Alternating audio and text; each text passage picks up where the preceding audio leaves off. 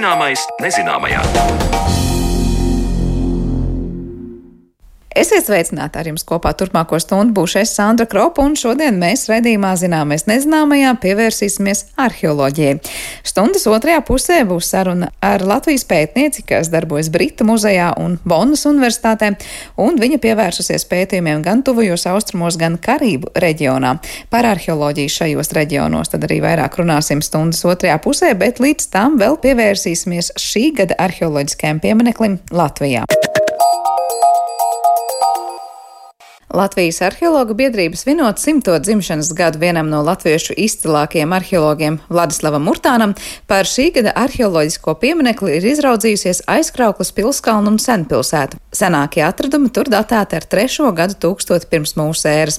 Vairāk par faktiem, kas liecina par dzīvi rosīgā ostas pilsētiņā pie Daugavas un viduslaiku pili, manai kolēģei Zanē Lācei stāstīs arheologs Mārcis Kalniņš. Šogad, 2021. gadā, apritētu simts gadi vienam no Latvijas pazīstamākajiem arheologiem, Vladislavam Urtānam. Un um, šis aizkrauklis pilskalns ir bijis piemineklis, vieta, kur tad uh, arī Vladislavs Urtāns ļoti intensīvi septiņus gadus ir veicis arheoloģiskos izrakumus. Un patiesībā ieguvis ļoti lielu, pamatīgu arheoloģisko materiālu, daudz senlietas, uh, priekšmetus un informāciju tieši par uh, aizkrauklis pilskalnu. Nu, un vēl tieši domājot par to, kad uh, Vladislavam Urtānam ir šī simts gadu jubileja 4. janvārī, tad mēs tā domājam, kuru pieminekli, kas ir tāds reprezentatīvāks, skaistāks un kur viņš ir strādājis, jo viņš ir strādājis daudzos, gan Daugmalē, gan, gan Madelāna pilskalnā, gan citur. Tad uh, tā padomājot, nācām pie secinājuma, ka aizkrauklis pilskalns no vizuālā viedokļa, viņš ir tāds viens no vizuāli iespaidīgākiem Latvijas pilskalniem, nu, tad tas būtu pietiekoši pagodinoši, teiksim tā, lai varētu atzīmēt šo, šo Vladislavu Urtānu simtu gadu jubileju. Tā teica Latvijas arheologu biedrības valdes priekšsēdētāja vietnieks un Latvijas gada arheoloģijas pieminekļa projekta koordinators Mārcis Kalniņš. Pateicoties Vladislava Urtāna sistemātiskiem izrakumiem, kas tur noritēja pagājušajā gadsimta 70. gados, te ir izpētīta Daugavas lībiešu senpilsēta un senkapi un viduslaikos celtā mūra pils un baznīca. Kā teica Mārcis Kalniņš, te ir bijis viens no nozīmīgākajiem Daugavas lībiešu zemju centriem, kas, ņemot vērā tā atrašanās vietu un lielo importa priekšmetu atradumu skaitu izrakumos, ir bijusi nozīmīga Daugavas ūdens ceļa sastāvdaļa. Šobrīd no to laiku liecībām nekas vairs acī nav redzams. Tik muzejos nodotie artefakti, bet aizkrauklē skatam atklājas ar zāli noaudzis reliefs paugurs, kurš īpaši gleznains izskatās no upes puses. Par seno pilskalnu un pilsētu attālināti ierakstītā sarunā turpina Mārcis Kalniņš. Ja mēs skatāmies no šodienas skatu punkta, tad tas ir neliels kalniņš no Rīgas Daugavpils šoseis puses skatoties aiz Skrīveru zemkopības institūta, pāris metrus no šī institūta. No Daugavas puses skatoties, tas ir tāds ļoti ievērojams kalns ar 30 metru stāvu nogāzi un, un mākslīgām terasēm, bet uh, par to, ka tur ir bijis šis pilskalns un lejā senpilsēta, kurā vēlāk arī ierīkota ir viduslaiku baznīca un viduslaiku kapi šajā senpilsētā. Un abās pusēs pilskalnam blakus ir arī bijuši senkapi, liecina tas, ka pirmkārt ir kaut kādas vēsturiskās ziņas saglabājušās par pašu pilskalnu, jo mums ir zināmas gan no Krievu kronikām, gan no Indriču kronikām, kur ir aprakstīts šis aizkrauklis pilskalns, gan arī notikumi pie tā. Bet pats sākums patiesībā, kā šo vietu atklāt, arheoloģisku pieminekli, ir sens un ir patiesībā saistīts arī ar Latvijas arheoloģijas sākumu kā tādu. Jo 1837. gadā pavasara palos netālu no aizkrauklas pilskalna tika izskalotas senlietas no aizkrauklas senkapiem, un tad tajos arī 1839. gadā Friedrichs Rūze veic arheoloģiskos izrakumus, un viņš arī savā grāmatā Nikro Livonika apraksta un uzzīmē arī šo aizkrauklas pilskalnu. Nu, un tad tieši šādos nolūkos, un arī dēļ tā, ka vairākos aprakstos jau 19. gadsimta vidū ir pieminēts, ka tieši aizkrauklas pilskalnā un pietā, kā arī aizkrauklas senkapos, ir atrastas šīs senlietas. 889. gadā notiek pirmie arheoloģiskie izrakumi. Tur atrod gan uh, uz vēlādzās laikmetu un, un nedaudz uz viduslaiku sākuma raksturīgas lietas, kā arī keramiku, kas ir saistām un priekšmets, kas ir saistām arī ar uh, agrākiem laikiem. Nu, tas tiešām apstiprina, ka šajā vietā ir uh, bijis vietējo cilšu, varētu teikt, tā pilskāns. Jo te gan jāsaka uzreiz, ka 19. gadsimta vidū vēl pastāv šis uzskats, ka šie pilskāni, kas ir īpaši pie lielajām upēm, ir saistām nevis ar vietējiem lībiešiem vai latgaļiem, jo aizkrauklis pilskāns pēc izrakuma materiāla mēs zinām, ka sākotnēji bijis latgaļu pilskāns, pēc tam šajā pilskānā ir uh, dzīvojuši arī lībieši, jo nevelti tieši kronikā aizkraukli un, un aizkrauklis pilskāns tiek pieminēts kā lībiešu vieta, jeb uh, aizkrauklis lībieši tiek minēti. Krusnešiem pēc tam virzoties augšup gar Daugavu, līvi raugu padzirdējuši par to, kas noticis, aizbēga no aizkrauklas pils uz drošākām vietām mežā. Pēc tam, kad ar dieva žēlastību viņu pils bija nodedzināta, viņi deva ķīlniekus, salīga ar vāciešiem mieru un apsolīja drīz ierasties Rīgā, lai tur kristītos. Tā par notikumiem 1205. gadā lasām Livonijas Indriķa kronikā. Savukārt par mūra pili, ko uzcēla dažus gadus vēlāk Zobenbrāļu ordeņa mestra Venno valdīšanas laikā, vēstīja rindas atskaņu kronikā. Venno viņu vārdā sauca, viņa laikā uzcelta lepna pils ir Siguldā, šis varonis ar uzcēla cēsīs letiem pili stipru, un kā kronikā vēstīts, drīz cēlās pils jau aizkrauklē. Bet turpinājumā atkal vārds Mārcim Kalniņam.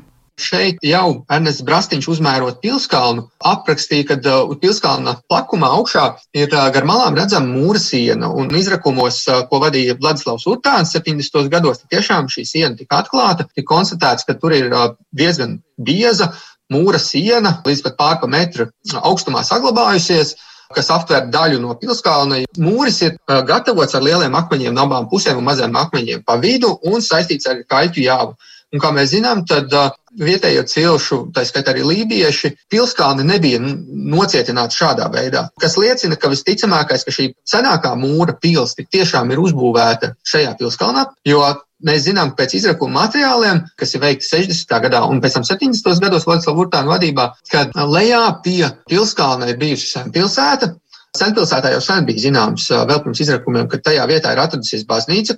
Un ap šo baznīcu pēc izrakumiem materiāli mēs zinām, ka ir pastāvējusi arī vēl 13. līdz 17. gadsimtā gan kapsēta, gan arī ciems. Mārci, vai jūs varat pastāstīt, kādi bija senāko laiku atradumi, kas tika izcelti no zemes izrakuma laikā? Izrakumos šajā vietā ir atrastas liecības gan sākot jau ar akmens laikmetu, 76. gadā Vladislavs Urtāns raksta, ka uh, Senpilsētas teritorijā atrast arī uz neolīta attiecināms uh, krama būtas gals. Gan jau sākot ar bronzas laikmetu, uz bronzas laikmetu un, un, un agrāko dzelzs laikmetu, ja agrometāla periodu, ir attiecināms diezgan daudz izrakumos atrastās senlietas. Pašā pilskalnā ir bijušas guļbūves celtnes sākotnēji, koka celtnes, un arī pašām pilskalnam apkārt ir bijis augšpusē valnis, kurā ir atklātas guļbūves nocietinājumi no guļbūves tipa celtnēm, tā varētu teikt, jā, ar kamerām. Tāpat ir atklātas ļoti daudz dažādas celtnes, ne tikai dzīvojamās, bet arī saimniecības, ļoti daudz pavārdi dažādi, tā skaitā arī podnieka ceplis un dzels apstrādes un bronzas un, un, un visādi citādas metāla apstrādes saistītas krāsnes. Skatot uz atradumiem, kas liecina par rosīgu dzīvi viduslaikos, Vladislavs Utāns savulaik uzgāja naudas depozītu ar 189 monētām, kas ir nākušas no dažādām Rietumēropas pilsētām un reģioniem tagadējās Vācijas, Nīderlandes un Anglijas teritorijā. Tas nozīmē, ka šajā nelielajā ostas pilsētiņā pie Daugavas notika aktīva tirdzniecība bet Mārcis Kalniņš turpina ar citiem Vladislava Urtāna un viņa palīgu uzieto atradumu sarakstiem. Vladislavs Utāns par izrakumiem aizkrauklis pilskalnā apraksta atradumus, kas iegūti šeit šīs izpētes laikā, un par pilskalnu viņš raksta tā, ka pilskalnā atrastas senlietas ir tipiskas 10. un 13. gadsimtam lībiešiem, latgaļiem. Tās ir bronzas rotas, dzels bultu un šķēpu gali, naži, īlenis, lēdzenes, ledus pieši, apkalumi, izurti dzīvnieku zobi, amuleti, caunu žoklīši ar izurtu caurumiņu, ja piekariņi, kaula rūceņi, vērpjamies kriemeļi, kaula adatas, vienpusīgas un divpusīgas, īpatnēji rotātas ķemmes. Īpaši jāizceļ trīs mazās akmens lejamās formas, divas no tām apaļo piekariņu atliešanai, viens vesels un vairāk fragmentāri māla tīģeļi māla lejamais kausiņš, pusgatavi un gatavi dzintara izstrādājumi, bārdas nazis, svina krustiņš, samērā daudz importētu lietu, gaiši zaļu rievotu stikla aproce, šīferu galodas, dažādas stikla krelles, dzintars, Rietumē Eiropas sudraba monētas, kā arī vācu krustnešu stopu būtu gali. Tas ir tikai pilskalnā. Tad priekšpilī tajā pašā gadā tiek atrastas senlietas, kas līdzīgas pilskalnā atrastajām. Senlietas tāpat attiecās uz 10. un 13. gadsimtu. Arī izpēta notiek Senpilsētā kurā arī atrasts liels daudzums senlietu, tā skaitā 9. gadsimta aproces, dzels, cirtnis, cilindriska atslēga, šujamādatas apkalumi, stopu būtu gali, sudraba monētas un citi viduslaiku darinājumi, kas attiec uz laiku līdz 17. gadsimtam. Nu, vismaz pēc uh, literatūrā atrodamiem datiem, tās ir vismaz 7000 vai vairāk kā 7000, kā būtu precīzāk teikt, senlietu un vairāk par 25,000 keramikas vienību, jeb keramikas lauskām. Skatot uz teritoriju, kur Urtāns veica izrakums, vai jūs varat apstāstīt, par kādu platību mēs runājam, cik tur ir bijuši hektāri vai kvadrātmetri? Ja mēs runājam par izmēriem, tad pilskalns pats par sevi aizņem šķiet, ka vairāk tūkstošu kvadrātmetru, jo izrakumos 70. gados tiek izpētīti vairāk kā tūkstots kvadrātmetru no pilskalna. Savukārt senpilsēta pati lejā, kas ir, tā aizņem aptuvenās aplēses ir kādi 3 hektāri. Tā tā ir milzīga teritorija patiesībā. Un uh, diezgan tikpat lielā teritorijā, vairāk hektāru teritorijā blakus atrodas arī šie uh, senkapi. Mārci, un man sarunas noslēgumā viens jautājums ir par kādu terminu. Jūs runājot par pilskalnu, lietojāt tādu vārdu kā plakums. Vai varat paskaidrot, ko tas nozīmē? Aizkrauklis pilskāns kā tāds, viņš ir sastāv no vairākām daļām, jo aizkrauklis pilskānam ir plakums, kas ir šī teritorija, kurā pilskāna augšā ja, ja pilskalnā cilvēki dzīvo. Tad viņam ir arī priekšpils. Tieši tāpat kā arī vēlāku laiku pilīm, arī pilskalniem priekšā tika izveidot papildus nocietinājumi, kas apgrūtināja pretinieku iekļūšanu galvenajā pilskalniem, ja mītnes daļā. Nu, un tad šī galvenā daļa tad arī attiecīgi ir tas plakums. Un lai plakumu latviski mēs viņu saucam tādēļ, ka viņš vienkārši ir plakans. Lai labāk varētu dzīvot, to vietu noplicināja, ja iztaisnoja reliefā tā, lai tur būtu ērti dzīvot. Par aizkrauklas pilskalnu un senpilsētu un tur veiktajiem arheoloģiskiem izrakumiem stāstīja Latvijas arheologu biedrības valdes priekšsēdētāja vietnieks un Latvijas gada arheoloģijas pieminekļu projektu koordinators Mārcis Kalniņš, un ar viņu sazinājās mana kolēģe Zane Lāca. Bet raidījuma gaitā mēs sarunas par arheoloģiju turpināsim un pievērsīsimies pavisam eksotiskām vietām tālu no Latvijas robežām.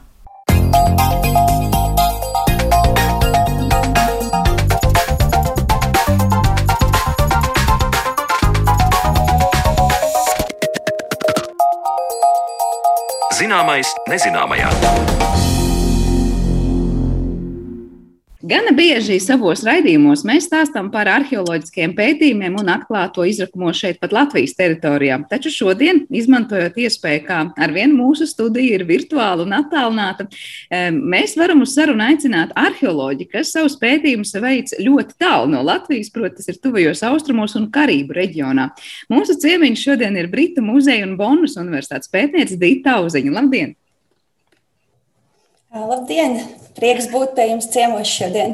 Mums arī ir diezgan unikāla iespēja saka, izmantot Zoom platformu un rakstīt tos raidījumus, kurus citkārt nu, mums tīri geogrāfiski varbūt būtu grūtāk uh, sasniegt. Bet runājot par jūsu pētījumu lauku, nu, ja tā var teikt, tur tiešām ir gana daudz eksotiska, jo tas ir gan tuvi austrumu, gan karību reģions. Bet vispirms es pajautāšu jums, nu, Kas, kāda jums ir tā sajūta? Jo es saprotu, jūs strādājat arī vienā no pasaules senākajām pilsētām. Tas ir stāsts par Irākas arheoloģiskiem izrakumiem. Vai tā ir tāda arheologu meka, un jums ir vienkārši palaimējies tur nokļūt? Es domāju, ka jā, tā, tā absolūti ir uh, meka, tāds sapnis, kur arheologam strādāt. Un, uh, tas noteikti ir liels laimes un veiksmes faktors, ka man ir izdevies tur nokļūt strādāt. Uh, Jo ja tā, ir, tā ir Šumēra pilsēta, Telo Girsa. Un, um, principā es neesmu Šumēra, arheolo, šumēra perioda arheologs vai pētnieks. Um, bet uh, es biju īstajā vietā, īstajā laikā. Um, manas te, tehniskās prasmes ir strādāt ar um, lāzeru skeneriem, droniem, um, ainavas uzmērīšanu un, un tam līdzīgām lietām. Un tieši šajā projektā tieši šīs prasmes bija vajadzīgas. Un, um, jā, jā principā es biju īstajā vietā, īstajā laikā ar pareizo, ar pareizo CV. Ar pareizo aparatūru arī, vai ne? Bet, uh, ko jūs tieši darījāt Irākā? Es saprotu, ka jūsu tā interesantā vēl pievienotā vērtība ir tā, ka jūs apmācat Irākas arheologus uh, strādāt vietās, kur viņi patiesībā saskars ar diezgan lielu arheoloģisko nu, vērtību zudumu. Es saprotu, tas, ko izpostījis ir Islama valstis, ir pielīdzināms pat otrā pasaules kara laikā bojā gājušām vērtībām. Jā, jā, tieši tā, pēc uh, UNESCO aplēsēm. Um, nodarījumu, ko, ko Islāma valsts nodarīja Irākas kultūras mantojumam, principā pasaules kultūras mantojumam, kurš atrodas Irākā, ir lielākie, lielākais postījums kopš otrā pasaules kara. Un, um, tas ir, protams, visi video, ko mēs redzējām, um, kur tika iznīcināti, iznīc, apzināti iznīcināti pieminekļi, jo viņi pārstāvēja ideoloģiju, kas neatbild islāma valsts ideoloģijai. Bet um, aizvien vairāk un vairāk mēs sākam iegūt datus, ka veids, kā islāma valsts sevi finansiāli uzturēja, ir nelegālo senlietu tirdzniecība. Principā viņi veica nelegālos izrakumus šajos objektos, savāca un pārdeva melnajā tirgū. Uh, kas bieži vien lielā mērā bija arī Eiropas eh, mākslas objektu tirgus. Un, eh, jā. Tad patiesībā mēs tikai parasti redzot tās bildes ar izpostītajām vai kara darbībā cietušajām vietām, nu, tiešām tur Irākā vai citās līdzīgās vietās, mēs uh, neapzināmies, ka tas tiek darīts apzināti, lai finansētu šīs organizācijas. Bet tas nav tikai tāpēc, ka tur kara darbības dēļ kaut kur kaut ko uzspridzināja. Tas patiesībā ir apzināti arī šo vietu postīšana. Jā, jā apzināti, kā, kā kurā vietā, bet uh, nelegāla, um, nelegālā senlietu tirdzniecība ir milzīgs bizness un um, tie ir uh, miljoni. Uh, ir daudz pir, pirkt gribētāju, daudz pārdevēju. Un, um, un, jā, un tādā ziņā Islāma valsts bija izcilā vietā, kur ir viens no, viens no bagātākajiem senlietu materiāliem, vēl joprojām zem zemes un zem un muzejos.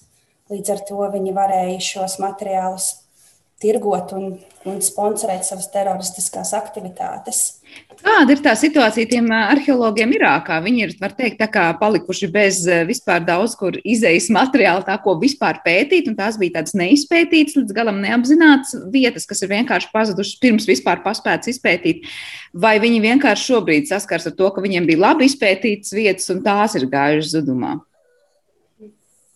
Ja, droši vien, ka Irāka un Tuvija Austrumi ir reģioni, Tuvija Austrumi kopumā ir reģions, kur nekad nebeigsies ko pētīt, jo senvietu daudzums, tas ir, tas ir mūsu civilizācijas sākums, Šumērija, Babilonijā.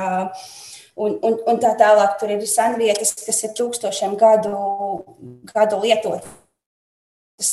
Tā, tā, tā nav, noteikti nav problēma, ka materiāls iz, izbeigsies, ko pētīt. Uh, Bet šobrīd, principā, tā viņu darbība vairāk fokusējas uz saglabāšanu, mantojuma saglabāšanu, pat nevis pētniecību. Um, tā situācija ir diezgan, um, diezgan beidīga, jo, ja mēs paskatāmies 50. un 60. gados, um, Bagdādas universitāte un uh, seno, seno laiku pētniecība Bagdādē bija pasaules līmenī, viņi bija pasaules vadošie šajās jomās. Un, um, beidzamās, beidzamās desmitgadēs visa kara darbība, kas ir Irākā notikusi tik ilgi, un terorismu sēmu, gan arī infrastruktūru pilnībā iznīcinājis.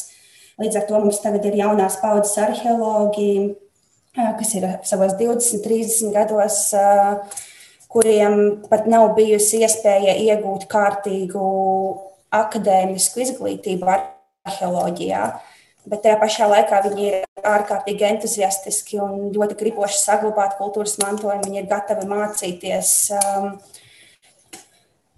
Tad tāpēc ir tā situācija iespējama, ka patiesībā no citām valstīm šobrīd arheologi var palīdzēt mācīties uh, Irākas arheologiem, lai gan patiesībā Bagdādas universitāte ir bijusi viena no vadošajām. Kas ir tas, kāda ir tā situācija? Jūs apmācat tur cilvēkus tīri ar tehnoloģijām, vairāk uh, meklēt un saprast, kas ir zem zemes, vai, vai kā notiek tā apmācība?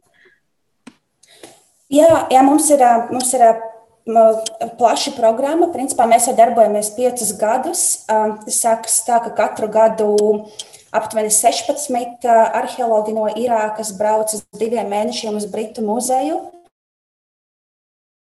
kur uz vietas mēs mācāmies objektu konservāciju, dokumentēšanu, ķīļraksta lasīšanu, objektu atpazīšanu, bet jā, fotografiju, 3D skenēšanu un tādas lietas. Un tad, kad ir šis periods pagājis, mēs braucam kopā visi uz Irāku. Uz projektam ir divi objekti. Viens ir Kurdistānā, Ziemeļā, Ziemeļirākā. Un mums Dienvidirākā teologa Irsu, kur šie, šie cilvēki strādā ar mums kopā nu, jau praktiski arheoloģijas darbu, vairs ne tik ļoti kā studenti, bet kā kolēģi.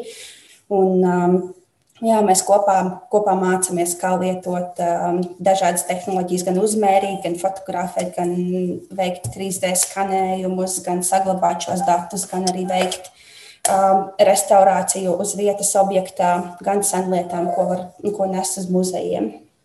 Vai ir kaut kas tāds, kas jums pašai, kā pētniecei, skatoties uz tām senajām vietām, ja mēs šobrīd runājam par tuvajiem austrumiem, vēl pagaidām tikai, uh, ir pārsteidzis visvairāk, vai pašai ir licies nu, tāds visaizraujošākais? Nu, tomēr būt turklāt kā arheologam, tā ir tomēr nu, laime, kas nav gluži katram planētas iedzīvotājam. Jā, uh, jā absolūti. Visfantastiskākais, kas bija teologi, ir savu 400 hektārus liela senvieta.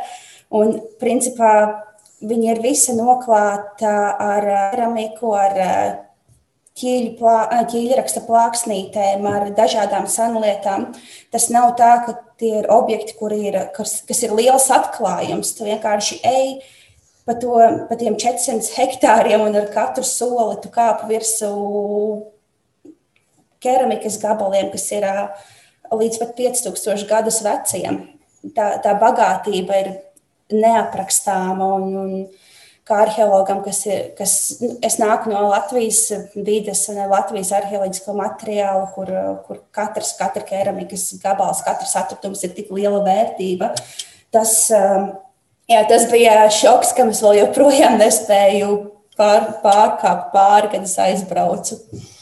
Jā, tad tur tā ir ierasta lieta, bet eh, mans nākamais jautājums patiesībā ir vairāk laikam par to otru jūsu pētīto teritoriju. Saprotu, tas ir Karību piekraste. Un tur, cik es esmu lasījusi no jūsu apraksta projekta, tā ir vieta, kur, nu, var teikt, neviens pat nav līdz šim tā īsti neko pētījis. Kā ir būt arheologam vietā, kas ir nu, ļoti, ļoti maz izpētīta vispār pasaulē? Tā ir forša sajūta. Ir liela, liela sarežģījumi, bet ir arī ir arī ļoti viegli, jo cilvēki, īpaši vietējie, ir ļoti atbalstoši. Viņi grib zināt par savu reģionu, viņi grib, viņi grib vairāk, viņi grib palīdzēt, jo tas ir viņiem ir svarīgi izprast savu vēsturi. Tad, jā, Jā, tā noteikti, tā noteikti ļoti aizraujoša, aizraujoša sajūta. Tie arī ir lieli izaicinājumi, jo, protams, um, tur vienmēr ir iemesli, kāpēc, uh, kāpēc, kāds, kāpēc neviens arheologs nav strādājis konkrētajā reģionā.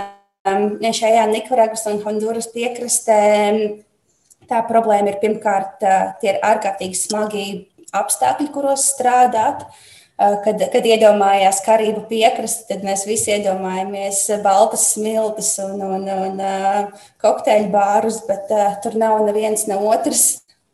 Um, uh, man, mangro, mangro piekraste, principā, kas ir koki, kas ir ieauguši Līdz ar to tie ir milzīgi džungļi, kam, kam ir jāiet cauri. Un, principā, nevar iziet lielākoties. Mēs pārvietojamies ar laivām, lai varētu piekļūt objektiem. Un, un otrs, tās ir vēsturiski šo iemeslu dēļ, tās ir bijušas pirātu ostas, kas mūsdienās ir savā ziņā saglabājuši savu funkciju kā narkotiku izplatīšanas un pārvadāšanas ostas. Līdz ar to tas arī ir reģions, kur, uh, kur, tu, kur tev pirms tumsas iestāšanās ir noteikti jānokļūst atpakaļ mājās. Kas ir tas tieši, ko jūs tur pētāt šajā reģionā? Jā, es, um, es mēģinu izprast uh, agrokolonizācijas periodu, um, jo, jo šī, šī Nikaragas piekraste ir ārkārtīgi interesanta agrajā kolonizācijas periodā un vispār kolonizācijas periodā Jo, principā, viņa nekad netiek kolonizēta. Ja mums ir visas lielās impērijas, krīt māja, inki, krīt spāņu iekarotāju rokās, Karību salas tiek pilnībā pakļautas un uh, vietējie iedzīvotāji tiek pakļauti un tiek izveidotas cukura, tabakas un dažādas. Šis Nikaragvas krasts paliek kontro, kontrolē savā veidā paliek Moskito, Moskito karaļvalsts kontrolē. Un Moskito tie ir cilvēki, kas, gan kas ir Amerikas pamatiedzīvotāji, gan arī Āfrikas izcelsmes cilvēki. Un kaut kā kopā viņi izveido šo karaļvalsti, kura līdz pat 19. gadsimtam principā manipulē gan Britu impēriju, gan Spāņu impēriju, un viņi, viņi paši kontrolē savu teritoriju. Um, es mēģinu saprast, kurā vietā viņiem atradās apmetnes, kur cilvēki dzīvoja. Kā, mana tā teorija ir, ka lielā mērā viņi saglabā kontroli pār resursiem. Līdz ar to dēļ šīs uh, smagā, smagā klimata, kāds tur pie šiem vienkārši nav iespēju izdzīvot un iedzīvoties, ja viņi neklausa tam, kā vietējie iedzīvotāji kontrolē šo teritoriju. Mēs par kuru laika posmu tieši šobrīd runājam? Tas ir, var teikt, noteiktas desmitgades, kurās iekļaujas visi šie notikumi, vai tas ir tāds gadsimta robežās, nezinu, laika posms, kam jūs pievērsies? Jā, tie, tie, tie ir gadsimti. Tie ir gadsimti. Mēs runājam principā no 16. līdz, līdz 19. gadsimtam. Kāpēc tik liels periods? Jo, jo parasti vēsturnieki šos periodus tiešām, kā jūs teicāt, sadala, sadala mazākos desmitgadēs un, un, un tam līdzīgi. Bet, um, bet uh, šajā situācijā, šajā reģionā, principā gandrīz nav rakstīti avoti. Mums ir um, uh, daži spāņu, spāņu impērijas sagatavotie avoti, kuri sūdzās, ka nu, tas moskito krasts ir uh, pilnīgi ārpus kontrols, neko tur nevar. Ne, ir uh, Britu impērijas rakstītie dokumenti, kuri kuri stāsta par tirdzniecības attiecībām ar Moskito karaļvalsti.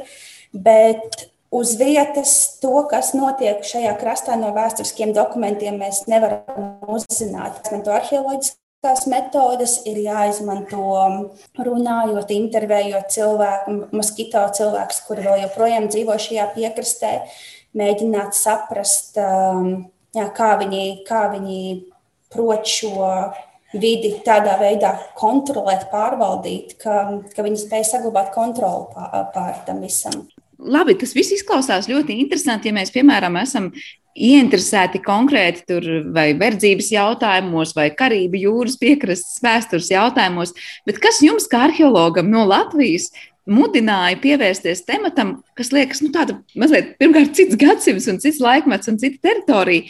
Kas jūsos liekas tik ļoti saistoši tajā visā, un ko mēs varam šajā gadsimtā no šiem pētījumiem sev paņemt? Man personīgi droši vien tas, tas viss sākās kā piedzīvojums. Kad es studēju universitātē, Laidens Universitātē Nīderlandē, tad um, man gribējās aizbraukt arheoloģiskajā praksē, kaut kur tālāk, kaut kur nezināmāk, kaut ko tādu, kas, um, kas, nav, kas nav darīts, nav redzēts. Un, um, Universitātē bija projekts, kas strādāja Centrālajā Nikaragvā. Uh, projekta vadītājs bija, jā, mani uzaicināja un uh, ļāva piedalīties. Un, un tad es aizbraucu uz šo reģionu un sapratu, ka es neko par turieni nezinu. Un es domāju, ka tā ir liela liela situācija gan, gan, gan Latvijā kopā. Mēs par Centrālu Ameriku, Dienvidu Ameriku zinām tik ļoti maz. Mēs, mēs par to ne, nestudējam, ne, ne universitātē, vismaz ne vēsturniekos, ne, ne arī skolā mēs par to mācāmies. Bet tajā pašā laikā tā ir tik ārkārtīgi svarīga, svarīga vieta pasaules vēsturē. Jo, jo kā jau mēs runājam, kā, kā jūs minējāt, šis ir reģions, kur tiek, tiek radīta verdzība mūsdienu kontekstā, kā mēs to saprotam.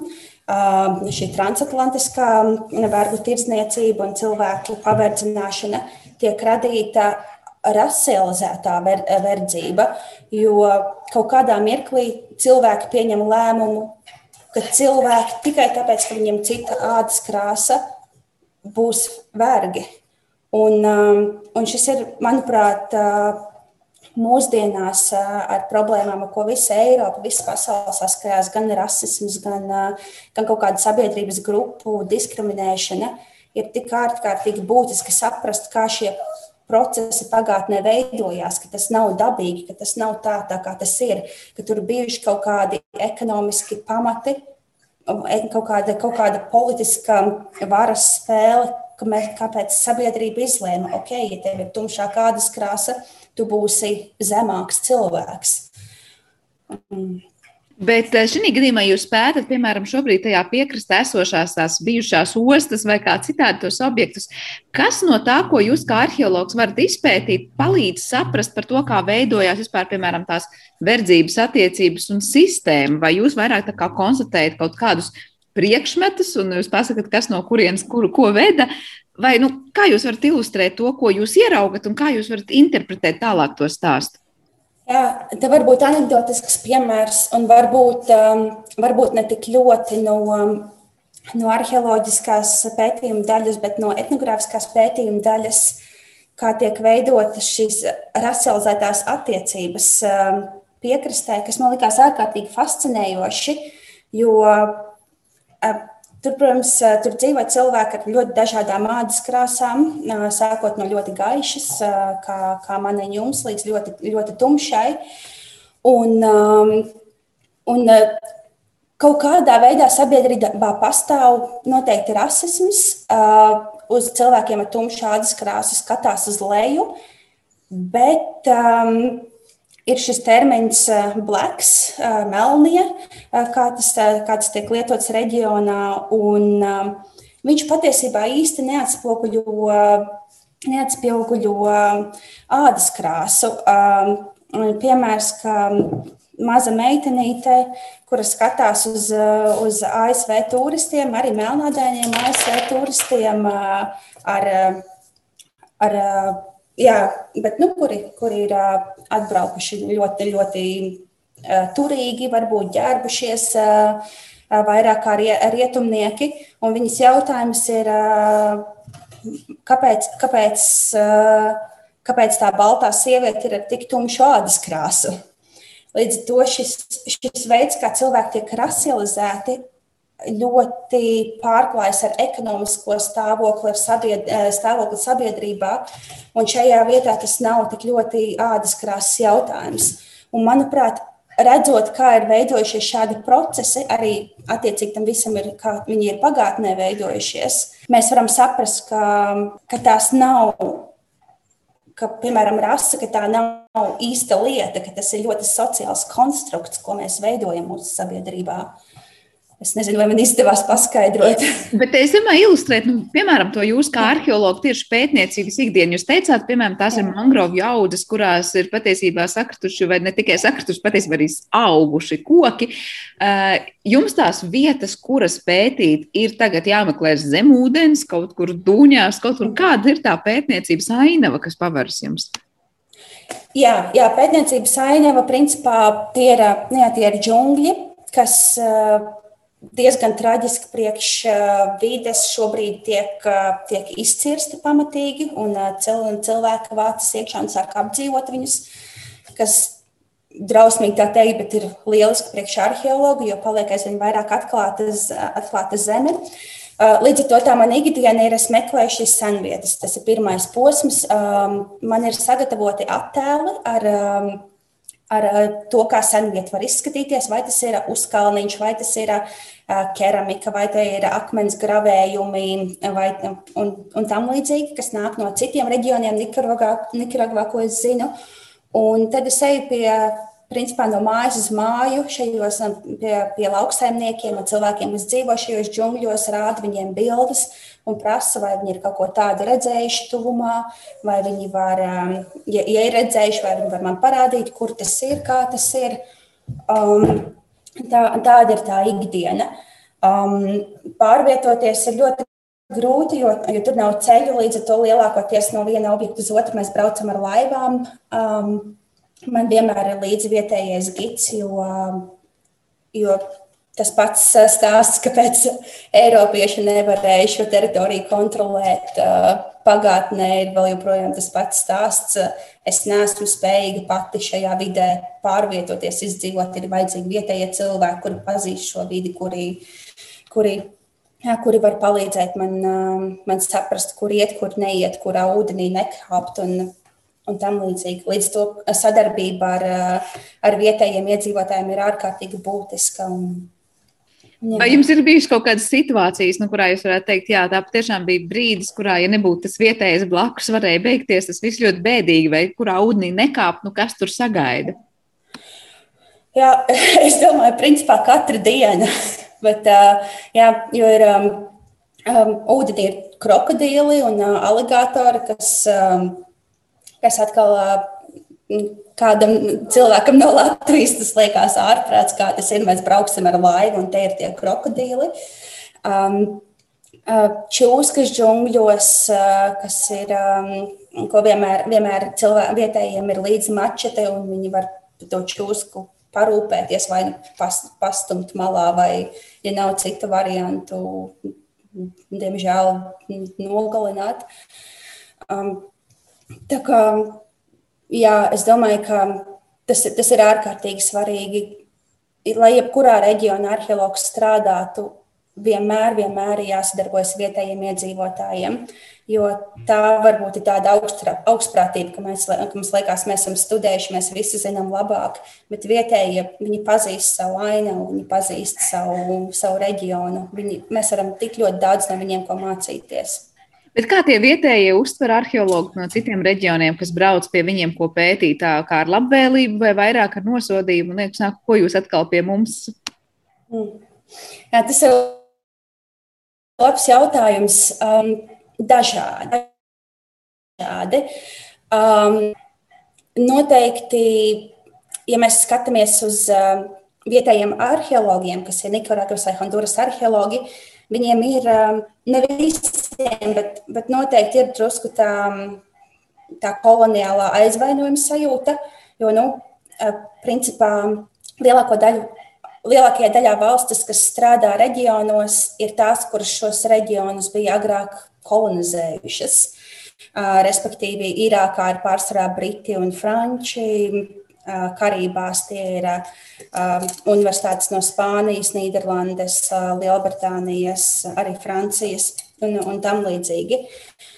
Līdz ar to ir vienmēr, tāpēc ir svarīga sadarbība ar vietējiem arheologiem, lai viņus jā, lai, lai, lai neaizvainotu un lai savā ziņā arī neturpinātu šo koloniālo tradīciju. Um, cilvēkiem, kas varbūt nav tik ļoti interesēti pētniecībā, kas ir nu, vietējie nezinu, veikalnieki, fermeri, lauksaimnieki un tam līdzīgi. Viņi,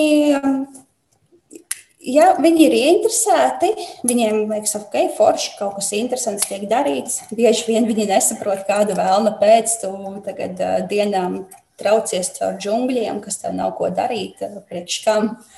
Bet, um, Bet jā, kopumā tā sajūta ir uh, pozitīva. Man nav bijušas negatīvas pieredzes, ka cilvēki negribētu, lai es tur atrodos. Jūs par saviem pētījumiem esat teikusi, ka ir svarīgi saprast arī veidojot šos izrakumus. Tātad, kā dzīvojuši tā saucamie vienkāršie cilvēki pirms tiem daudziem, daudziem gadsimtiem. Vai jums ir izdevies atrast priekš sevis tās atbildes, varbūt tās visinteresantākās, pārsteidzošākās? Kā tad dzīvoja? Nevis tas, ko mēs nezinu, lielajos politiskajos procesos varbūt lasām, kā ir bijis un kas ir noticis, vai kādas senlietas ir atrastas, bet ko tas stāsta par tā laika cilvēku ikdienas dzīvi?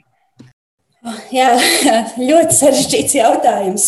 Um, es domāju, tas, ko mēs atrodam, lielā mērā saistīts ar jautājumiem, ko mēs uzdodam un ko mēs meklējam. Un, um, varbūt, uh, varbūt kas ir interesantākais uh, šajā jomā, uh, mans pētījums, kur, kur strādāju pie, pie savu profesoru centrālajā Nikaragvā.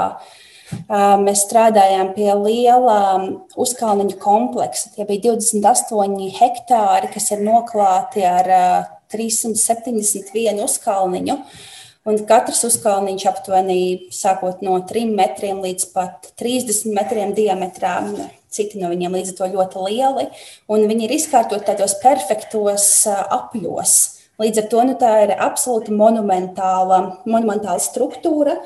Un, uh, viņa ir radīta aptuveni sākot no 4. gadsimta līdz pat uh, 11. gadsimtam, pēc aptuveniem datējumiem. Bet tajā pašā laikā viss, ko mēs zinām par to sabiedrību, kas dzīvoja tajā reģionā, mums nav tur nekādas impērijas vai lielas valstis vai, vai pat lieli, lieli vadoņi vai kaut kāda tāda, tādas sociālās grupas, kas kontrolētu to visu. Līdz ar to ir, ir ārkārtīgi interesanti redzēt, un tas kaut kādā veidā arī grauj to mūsu uzskatu, ka, nu, re, kur ja ir Eh, sabiedrības stratifikācija, ja ir eh, valsts vai, vai kaut kāda tā struktūra, tad viņi rada monumentālu arhitektūru. Ka ir arī iespēja, ka cilvēki kaut kādu iemeslu dēļ, un mēs nezinām vēl joprojām kādu, bet viņi nāk kopā un viņi rada šīs struktūras, viņi paši sevi organizē, un tur nav jābūt jā, verdzībai vai vadonim vai kaut kam, ka tā var būt cilvēka iniciatīva. Un, um, Manuprāt, tas ir, tas ir jā, ļoti, ļoti būtiska, ļoti būtiska informācija. Jā, cik tiešām interesanti klausīties, ka jūs kā arheoloģi no Latvijas strādājat tik eksotiskās un tālās vietās. Es pieņemu, ka jūsu kolēģi vidū, nu, latviešu arheologi laikam ir reti parādība. Jā, jā la latvieši ir reti. Um, es teiktu, Austrum Eiropas vispār ir reti, jo, jo, jo, kā jau es teicu, tie ir lielākoties reģioni, kas bija kolonizējuši šīs valstis un kam ir šīs lielās universitātes, tie ir tie, kas, kas pēta. Um, Irākā man ir poļu kolēģe, um, bet tas, tas arī ir laikam tāds reģionāli tuvākais. Jā, cik interesanti, ka jūsu tās studijas Nīderlandē, ja patiesībā un deksmē doties uz kaut ko eksotisku tālu un jaunatklājumu, ir aizdusi pie tiešām ļoti, ļoti nu, mazpētītām vietām. Un, uh, Es zinu, tiešām varbūt jūsu sas, nezinu, sasniegumi vai atklājumi ir kaut kas tāds, kas tiešām to lielo puzles bildi palīdz padarīt daudz skaidrāku un saprotamāku arī pasaules vēstures kontekstā.